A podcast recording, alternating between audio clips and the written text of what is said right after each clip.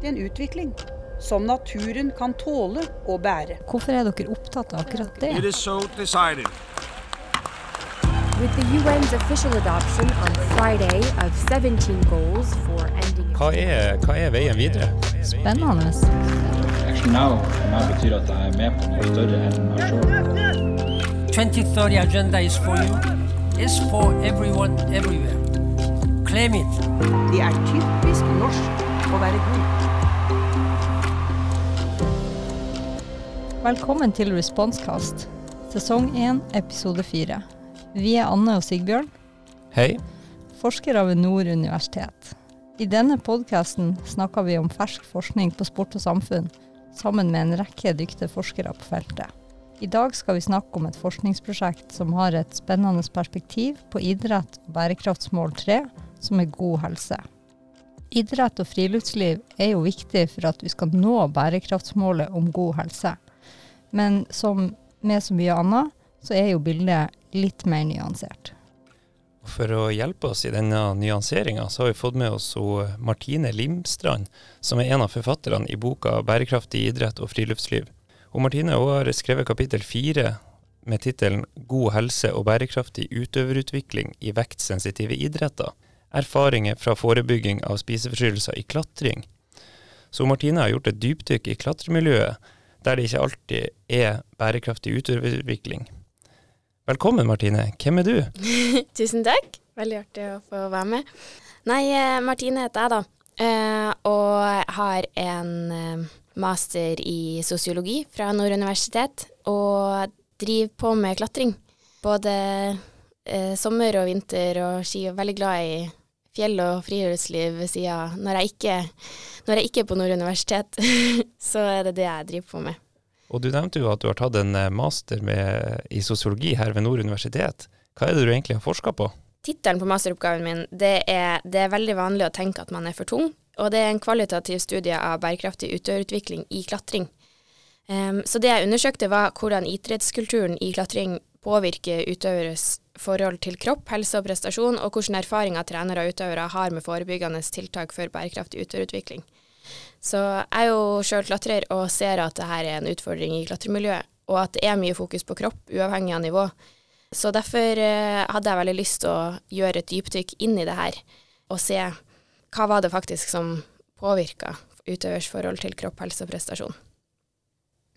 Det er jo et begrep som går igjen i eh, prosjektet her, eh, som et sånn teoretisk begrep, da, og det er bærekraftig utøverutvikling.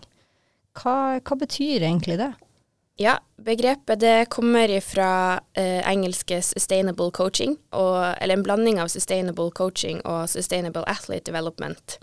Og det er en ny trener- og ledelsesfilosofi hvor idrettsutøvers sosiale og personlige og helsemessige utvikling vektlegges på samme måte som idrettsutøvers prestasjoner og sportslige utvikling.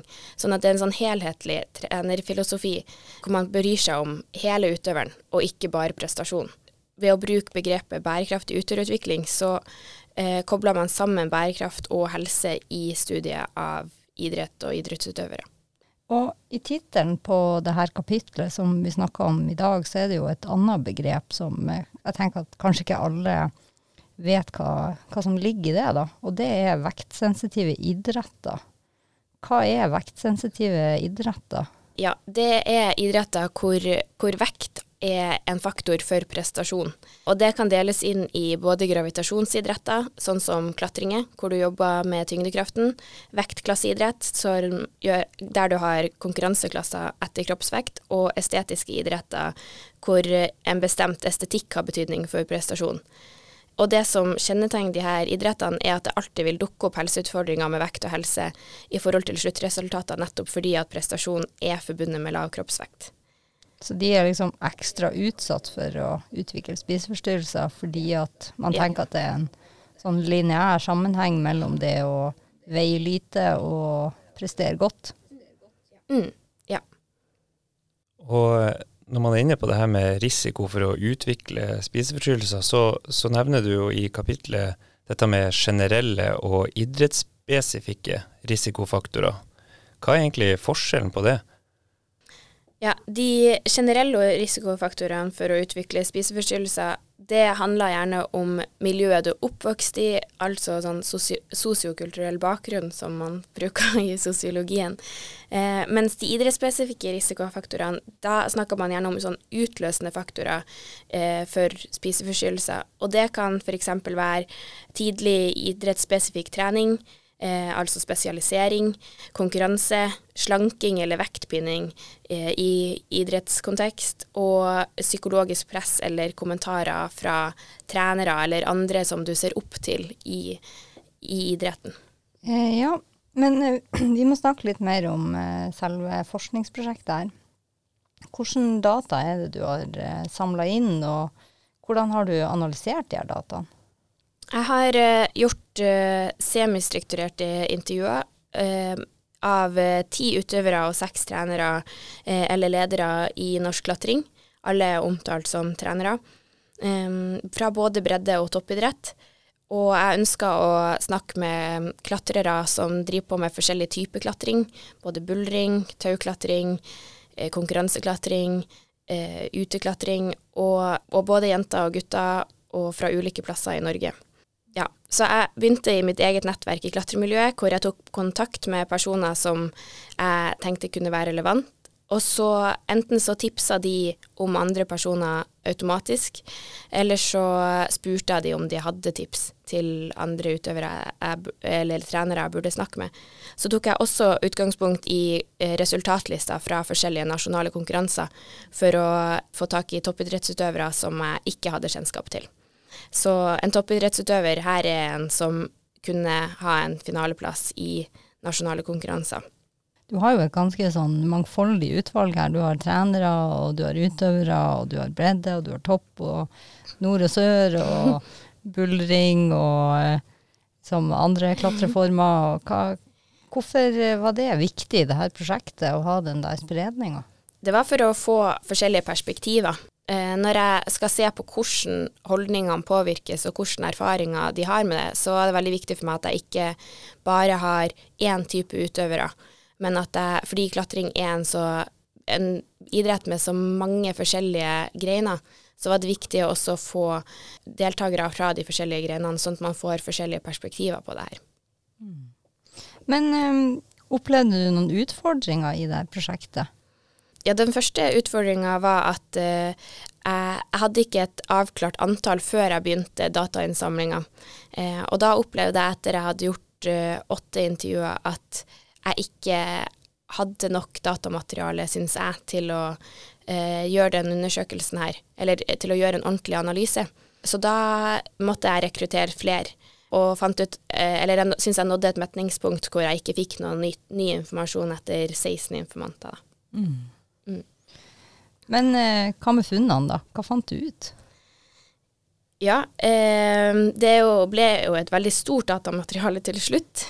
Sånn at eh, det kom frem tre ulike tiltak som jeg gjorde analyse på fra intervjuene. Og eh, ikke alle de her var planlagt, hvis jeg kan si det. Eh, det var, jeg hadde en induktiv tilnærming til analyse som gjorde at datamaterialet bestemte hva som var relevant å gjøre analyse på, eller å gå dypere inn i. Og da kom det bl.a. frem barisforbud, rutesetting og BMI-reguleringer som forebyggende tiltak mot spiseforstyrrelser. Og f.eks. barisforbud, det var noe jeg aldri hadde tenkt på tidligere, sjøl om jeg er klatrer. Hvorfor ikke det? Hvorfor har du ikke tenkt på det? Og For- hva er baris? Det tenker jeg jo òg Ja. litt sånn ikke åpenbart hvis du ikke klatrer. Baris det er å klatre uten T-skjorte med bar overkropp. Så et barisforbud innebærer jo da et forbud mot å klatre i bar overkropp. Jeg tror grunnen til at jeg ikke har tenkt over det sjøl, er jo fordi når man, når man forsker på et miljø man er en del av, så er det en del ting som bare er naturlig. Og det her er en sånn ting som jeg har tenkt er naturlig, fordi det er ganske vanlig å klatre eller å trene lettkledd. Men det er noe jeg har blitt veldig bevisst på i ettertid. Ja. Mm. Du er jo inne på ei viktig metodisk utfordring. der, er det her med liksom, Vi har jo alle våre blindsoner, da. Mm. Og litt av utfordringa med å forske på eget felt er jo ofte knytta til det her at eh, det, du kan overse en del nyanser, rett og slett, fordi du tar det for gitt. Mm. Ja. Ikke sant? Sånn er det. Så, Ja. Og det her er nok eh, en av de tingene. Mm. Men eh, hvordan har du da jobba for å finne det?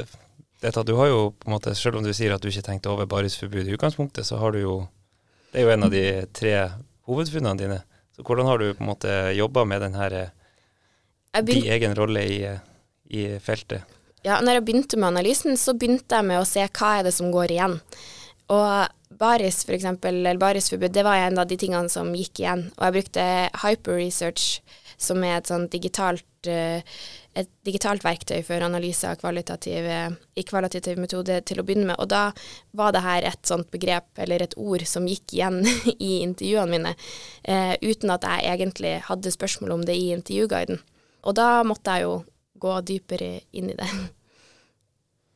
Ja, men det var to andre tiltak som eh, Mm. kom frem i analysen. Si litt mer om de. Ja, det eh, andre er BMI-regler, og det var jeg jo veldig klar over på forhånd. Det er jo det mest synlige tiltaket, for det er jo klare regler, og det ble introdusert allerede i 2006.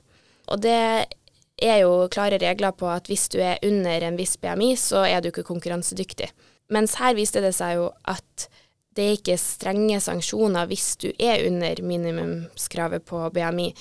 Da får du bare, eller ditt nasjonale forbund får et skriv om at du er under det vi anser som sunt i forhold til BMI, og så må du bare ha legeerklæring på at du er frisk. Og de aller fleste lagene har egne leger. Så hvis du er en av de beste utøverne i verden, så ser det ut til at det er ganske lett å si at denne utøveren er frisk, sjøl om de er under BMI.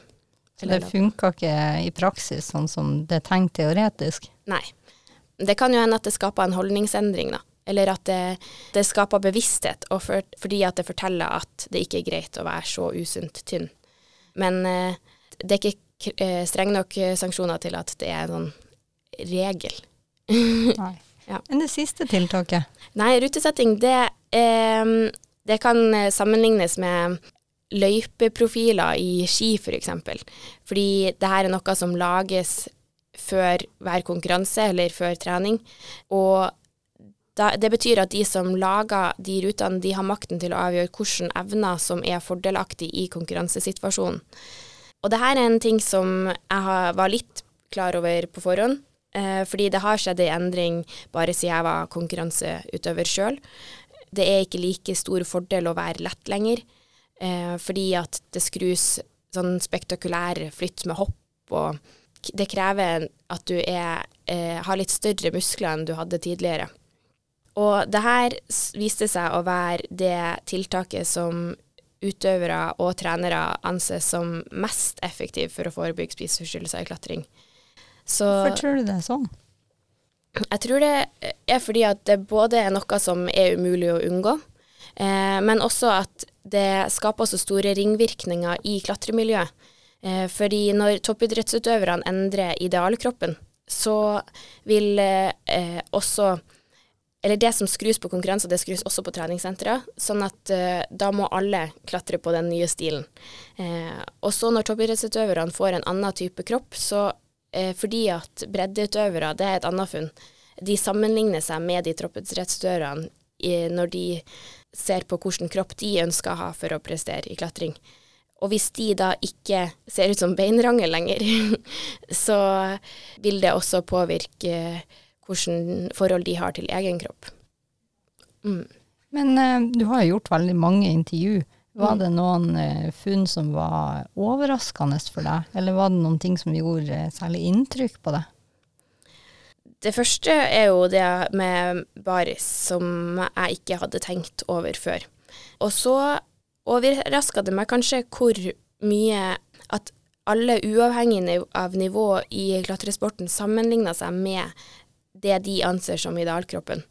At uh, selv om det er, var utøvere på breddenivå som ikke eh, Hvor det kanskje ikke er noe poeng å ha en sånn idealkropp, eller ha kroppen til en toppidrettsutøver, så sammenligna de seg med de utøverne sånn at, og lar det påvirke deres kroppsbilde.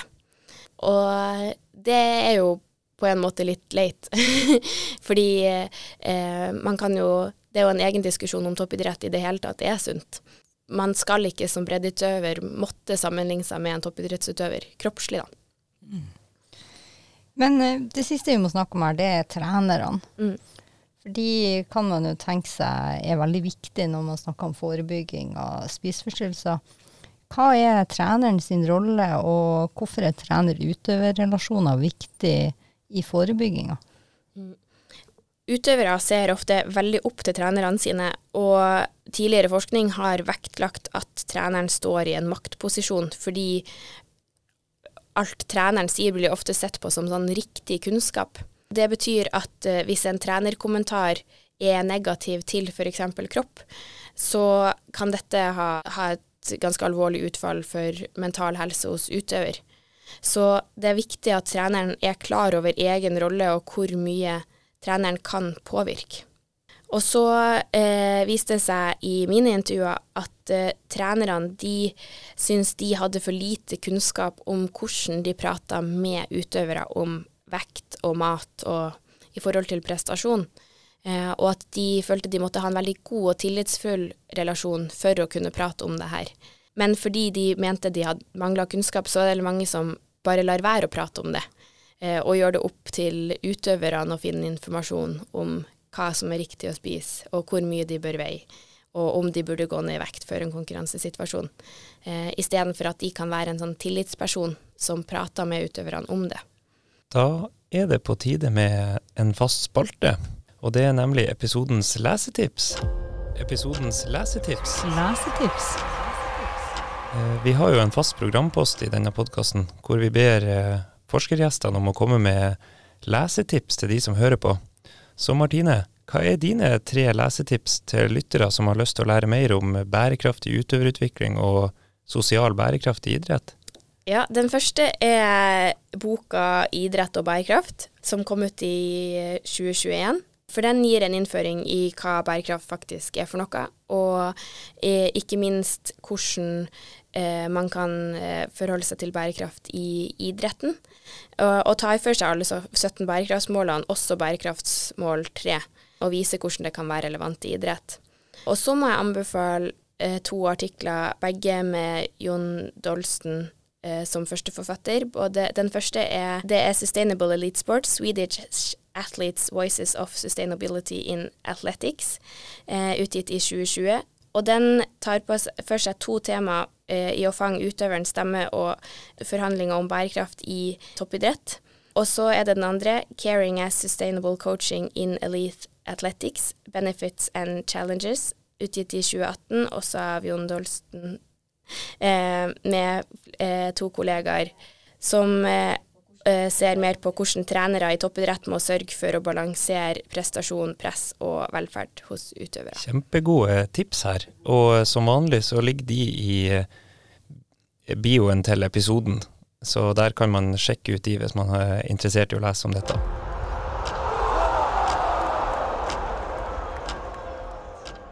Vi må eh, gå inn for landing her. Eh, Martine, med utgangspunkt i eh, masterprosjektet ditt, eh, som nå har blitt et kapittel i boka 'Bærekraftig idrett- og friluftsliv', hva vil du si er veien videre på dette forskningsfeltet? Jeg har veldig lyst til å finne ut mer om hvor utbredd er f.eks. spiseforstyrrelser i klatring og i idrett i Norge i dag. Og ikke minst så ser man at eh, det er satt i gang en del tiltak mot spiseforstyrrelser gjennom bl.a. Norges idrettsforbund, som har vært igangsatt i, i 15 år. Og hvordan eh, hvilken effekt har faktisk de her tiltakene? Er det, blitt, er det blitt bedre de siste 15 årene? Har prevalensen av spiseforstyrrelser gått ned i toppidrett? Det hadde vært veldig interessant å finne ut av. Tenk En ting som eh, har skjedd parallelt de 15 årene, er jo eh, at eh, sosiale medier har vokst betraktelig. Mm. Så det er vel også noen faktorer som Du har jo vært litt inne på det med sosial sammenligning, Mm. som kan tenke seg å påvirke Mm. utbredelsen av spiseforstyrrelser. Mm. Ja, det er flere arenaer for sammenligning. Ja. Mm. Jeg har bare tenkt på det her eh, Det kan jo være noen krefter som eh, virker mot de her tiltakene da, i storsamfunnet, for å Ja. se litt stort på det. Ja. Og så kan det jo hende at uh, spiseforstyrrelser Eller det ser også ut til at spiseforstyrrelser også øker blant uh, befolkninga generelt. Sånn at forskjellen mellom idrettsutøvere og annen ungdom ikke nødvendigvis er like stor, men at problemet er enda større. Du skal få et uh, siste spørsmål av meg. Nå har vi snakka litt om hva veien er videre for forskninga, men uh, det kan jo tenkes at eh, det er noen frivillige eller ansatte eller valgte tillitspersoner i idrettsorganisasjoner som hører på denne episoden.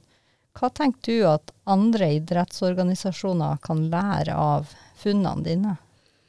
Det første er jo at uh, vi så at de eh, tiltakene som handler om økt kunnskap over lang tid, det er de tiltakene som er best mottatt og verdsatt av både utøverne og trenerne. Og eh, et konkret tiltak er jo å sørge for at trenerutdanningene gir god kunnskap om kropp, mat og helse. Og det her kan jo forsterkes med andre kompetansehevingstiltak som foredrag og lignende, men at trenerne må sitte på riktig kompetanse, det er det første. Og det andre er at eh, når man først skal innføre regler som f.eks. BMI, så må det være strenge nok sanksjoner, hvis ikke så har ikke de den effekten de burde hatt. Så overordna så kan man si at idrettsutøvers helse og velferd, eller personen i idrettsutøveren, den må settes eh, like høyt eller en, enda høyere enn det prestasjonsmessige og kommersielle i idretten. Gode tips å ta med seg der. Tusen takk til deg, Martine, og takk til dere som har hørt på. Følg oss der du hører på podkaster, så får du informasjon om neste episode. Da skal vi snakke om hvordan gjenbruk og sosial bærekraft kan sammenveves i idrett og friluftsliv. Vi skal snakke om BUA sine utstyrssentraler. Ha det bra.